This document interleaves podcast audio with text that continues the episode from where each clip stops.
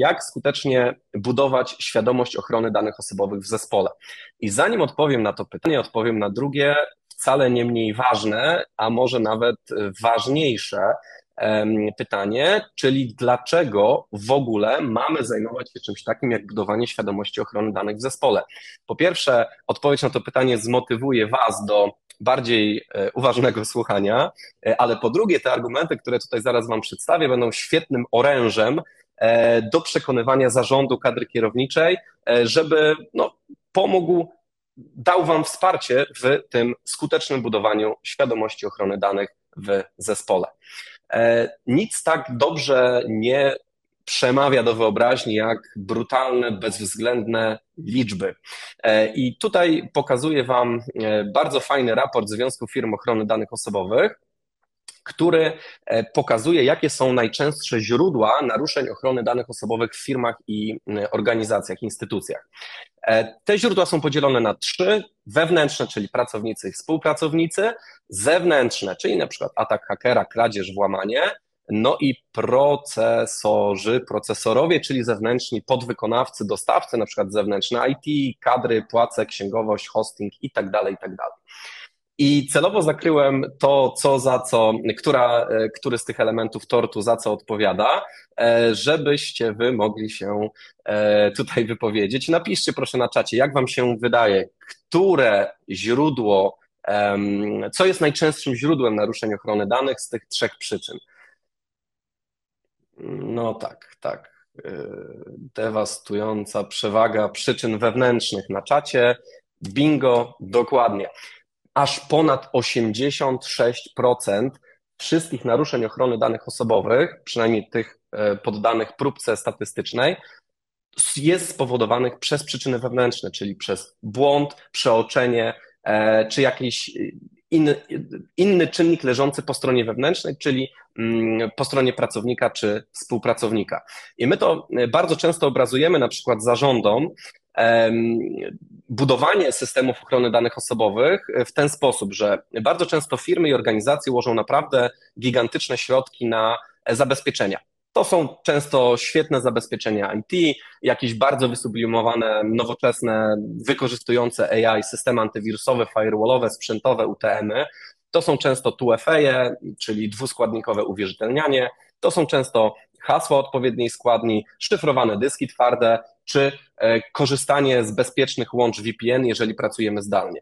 I to naprawdę super, że tego typu zabezpieczenia w firmach i urzędach są stosowane, bo one są bardzo ważne i minimalizują ryzyka wystąpienia naruszeń, ale bardzo często zapominamy o tym, że tak powstały rycerz, tak powstała zbroja ma też słaby punkt i niestety, jeżeli mamy nieuświadomiony zespół na temat tego, jak bezpiecznie przetwarzać dane osobowe, to w ten słaby punkt bezcelnie albo trafi ktoś z zewnątrz, wykorzystując brak wiedzy naszych pracowników czy współpracowników, albo po prostu pracownik sam popełni błąd. I tutaj podajemy przykład. E, pracownik, pracownicy nieprzeszkoleni klikają w każdy dowolny link, który trafi na ich skrzynkę pocztową w oczekiwaniu na jakąś paczkę kurierską czy sprzedaż na OLX-ie. E, jaki jest z tego wniosek numer jeden? Wniosek numer jeden e, to, że człowiek jest najsłabszym ogniwem każdego systemu ochrony danych osobowych. E, a jak wiadomo, każdy łańcuch, każdy system jest tak mocny jak jego najsłabsze ogniwo, prawda? Więc bardzo ważne, żeby nie zaniedbywać tego elementu świadomości ochrony danych osobowych w zespole, bo jeżeli o tym zapomnimy, to nawet najlepsze, najbardziej wysublimowane zabezpieczenia na nic się nam nie zdadzą. Wniosek numer dwa. Niestety albo stety budowanie świadomości e, ochrony danych w zespole to obowiązek. Obowiązek wynikający z trzech elementów. Po pierwsze z RODO, tak? Czyli um, no, naszym obowiązkiem jako administratora czy jako inspektora ochrony danych jest dbanie o to, żeby e, budować odpowiedni poziom ochrony danych, świadomości ochrony danych w zespole, ale to nie tylko RODO, to też inne akty prawne, które funkcjonują nam dookoła RODO, chociażby ostatnia zmiana w kodeksie pracy i od tego roku mamy obowiązek szkolenia pracowników z bezpiecznej pracy zdalnej. Tak? Jeżeli pracownicy korzystają z tej pracy zdalnej, powinni wiedzieć, jak to robić bezpiecznie, żeby mm, nie narazić danych osobowych na wyciek.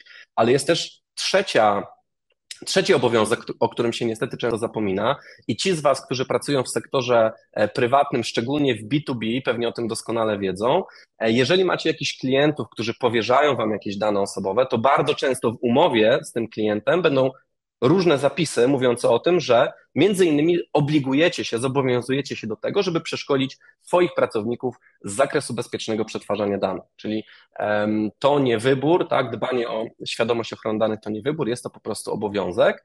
Mm, no ale coś pozytywnego, budowanie świadomości ochrony danych da Wam super bezcenny komfort w kryzysowych sytuacjach. Jaka to może być kryzysowa sytuacja? No oczywiście naruszenie ochrony danych, jakiś wyciek. Jeżeli już do tego wycieku dojdzie, to po pierwsze odpowiednio uświadomiony pracownik będzie wiedział, jak w takiej sytuacji zareagować, gdzie takie naruszenie zgłosić, w jakim trybie, do kogo konkretnie w naszej organizacji, minimalizując tym samym negatywne konsekwencje tego naruszenia. No a po drugie wreszcie, jeżeli już cały konflikt, cała sytuacja wyeskaluje, to mamy bezcenne narzędzie do wykazania się, że dochowaliśmy należytą staranność, tak? Że przeszkoliliśmy pracownika, tu są, e, nie wiem, listy obecności ze szkolenia, czy e, logi z systemu e-learningowego, które ewidentnie dowodzą, że ten pracownik został przeszkolony. Daje to bezcenne, bezcenne poczucie spokoju, komfortu i bezpieczeństwa. No dobrze, mam nadzieję, że przekonałem Was, że warto, że powinno się dbać o świadomość ochrony danych w zespole. To teraz powiem Wam, jak skutecznie, efektywnie, nowocześnie tę świadomość w zespole budować. Po pierwsze, globalnie, tak? Czyli pamiętajmy o tym, że przeszkolić z zakresu ochrony danych powinniśmy każdą osobę w naszej firmie czy organizacji, która ma dostęp do danych osobowych. Nie tylko takie klasyczne e, działy, co do których nie mamy pewności, że przetwarzają dane, jak nie wiem, HR-y, rekrutacja, sprzedaż, marketing, ale bardzo często dane osobowe przetwarzają nawet, nie wiem, magazynierzy, tak, pracownicy magazynu. Więc mm, pamiętajmy o tym, żeby podchodzić do tematu maksymalnie szeroko. Jeżeli pracujecie w branży produkcyjnej, no to często nawet pracownicy produkcji, na przykład, nie wiem, mistrzowie produkcji będą mieli dostęp do jakichś danych osobowych. E, dalej pamiętajcie o tym, że nie ma znaczenia forma zatrudnienia, czy to jest e, umowa o pracę, czy umowa cywilnoprawna, czy jest to samo zatrudnienie. E, tak czy tak powinniśmy daną osobę uświadomić, tak przeszkolić z zakresu bezpiecznego przetwarzania danych. Mm, pamiętajmy o tym, że szkolenia czy uświadamianie, cały proces uświadamiania powinien być systematyczny. Czyli nie wystarczy coś, co spotykamy w bardzo wielu firmach i urzędach, czyli jedno szkolenie zrealizowane w 2018 roku, kiedy, od kiedy RODO było mm, stosowane, ale powinniśmy takie szkolenia cyklicznie powtarzać. RODO tego nie precyzuje, ale dobrze by było, żeby to było nie wiem, raz na rok, raz na dwa lata. No i e, coś, do czego będę potem jeszcze nawiązywał, pamiętajcie, że oczywiście ryba psuje się od głowy, więc dobrze by było, nie zawsze jest to możliwe, ale dobrze by było, żebyście włączyli w cały proces szkoleniowy również zarządy. E, oczywiście nikt nie oczekuje od Was, że będziecie zapisywać zarząd na tygodniowy kurs ochrony danych, ale jakaś taka krótka pigułka wiedzy, 10, 15, 20 minut takiej podstawowej, kluczowej wiedzy z zakresu ochrony danych również zarządowi się przyda. Szkolenia czy formy uświadamiania pracowników powinny być również dla nich przyjazne, tak? czyli podane w przyjazny sposób. Co to znaczy?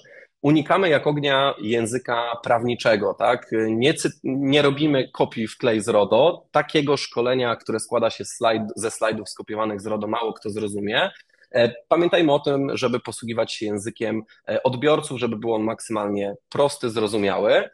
To, o czym się często zapomina, to powinniśmy poza stosowaniem, brakiem stosowania języka e, prawniczego, nie stosować również języka obcego. Tak? W dzisiejszych czasach mamy bardzo dużo e, pracowników ukraińskojęzycznych. Fajnie byłoby, gdybyśmy przygotowali dla nich przynajmniej jakąś pigułkę wiedzy właśnie opracowaną w ich ojczystym języku. Jeżeli mamy pracowników anglojęzycznych, no to niech to szkolenie będzie podane w języku angielskim. Ale uwaga, to działa też w drugą stronę. Jeżeli dostaliście z centrali jakieś świetne szkolenie mm, z zakresu ochrony danych, ale jest ono no niestety podane w języku angielskim, a wiecie, że nie każdy e, wasz pracownik płynnie włada tym językiem, no to znowu dobrze byłoby przygotować jakąś albo alternatywną wersję, albo przynajmniej wyciąg wiedzy w języku polskim. E, jeżeli korzystacie ze szkoleń e-learningowych, to korzystajcie z takich szkoleń, jest ich na rynku cała masa, które nie polegają tylko na przeklikaniu dalej, dalej, dalej, dalej, dalej treści szkolenia, bo pracownicy są już na to no, wyczuleni, w sensie potrafią po prostu klikać bezrefleksyjnie dalej, dalej, dalej, e, nie zapamiętując przekazywanych treści. Fajnie, żeby te szkolenia miały jakieś interakcje, gdzie pracownik będzie mógł się na chwilę zatrzymać i tę wiedzę teoretyczną, którą właśnie otrzymał, będzie mógł przełożyć na praktykę. Ultra ważna rzecz. Mniej znaczy lepiej.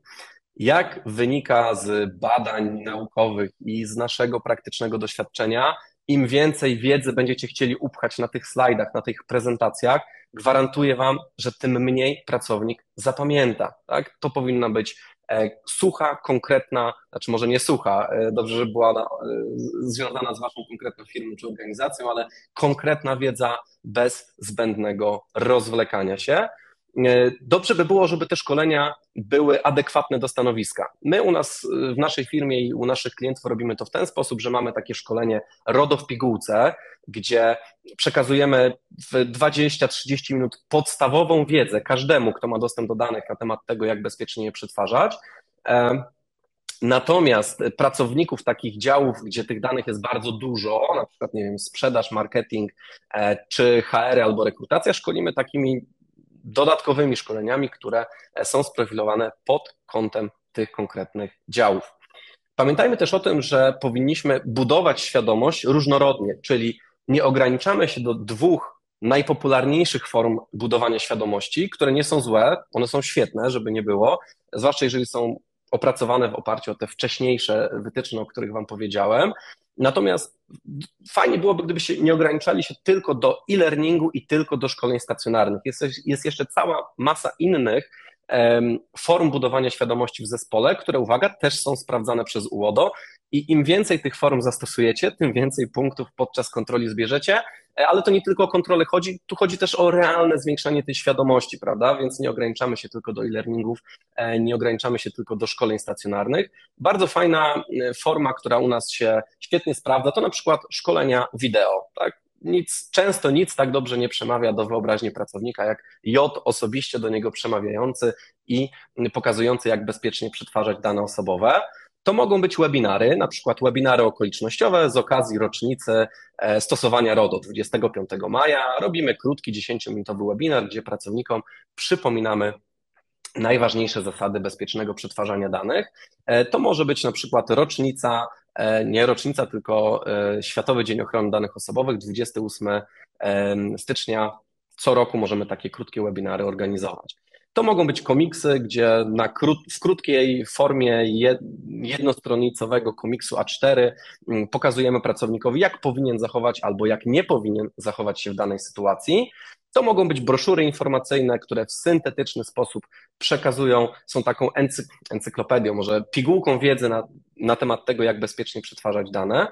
Mm, to mogą być plakaty, gdzie na przykład informujemy w naszej firmie, w naszym urzędzie, człowiekiem od RODO jest Jan Kowalski, skontaktujesz się z nim dzwoniąc albo pisząc pod taki i taki numer, pod taki i taki adres e-mail, mm, no i skontaktuj się z nim w takich i takich sytuacjach, na przykład w przypadku wystąpienia naruszenia ochrony danych.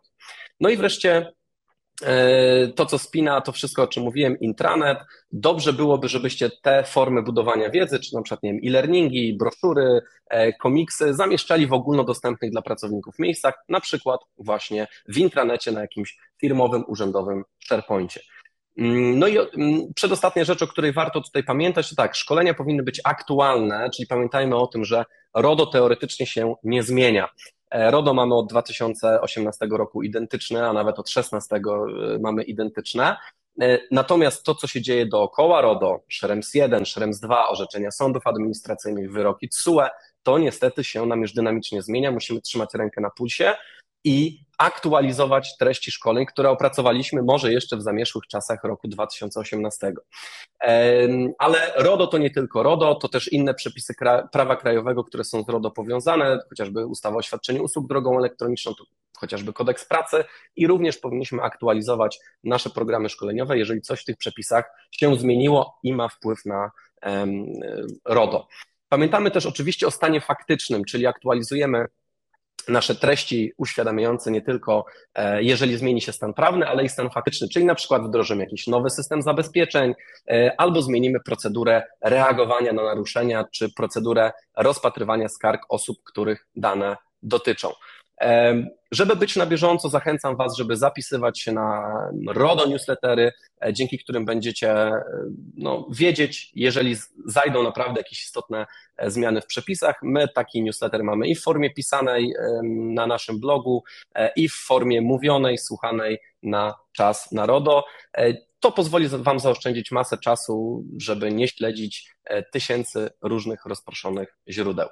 No i ostatnia rzecz na temat tego, jak budować świadomość ochrony danych, potem pokażę Wam jeszcze kilka przykładów praktycznych, mm, to budować to w sposób procesowy, bo oczywiście e, to też będzie sprawdzał Urząd Ochrony Danych Osobowych, czyli ubieramy wszystko w procedurę. I w tej procedurze szkolenia, budowania świadomości ochrony danych precyzujemy chociażby, w jaki sposób ten proces będzie rozliczalny.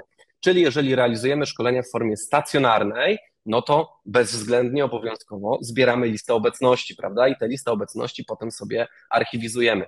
W procedurze precyzujemy również, w jakiej formie budujemy tą świadomość, e, jak często te formy budowania są odświeżane, kto jest odpowiedzialny za proces szkolenia, jak mierzymy skuteczność, czyli wszelkiego rodzaju raportowanie, testy czy ankiety wysyłane pracownikom, żeby monitorować ich wiedzę na temat e, bezpiecznego przetwarzania danych.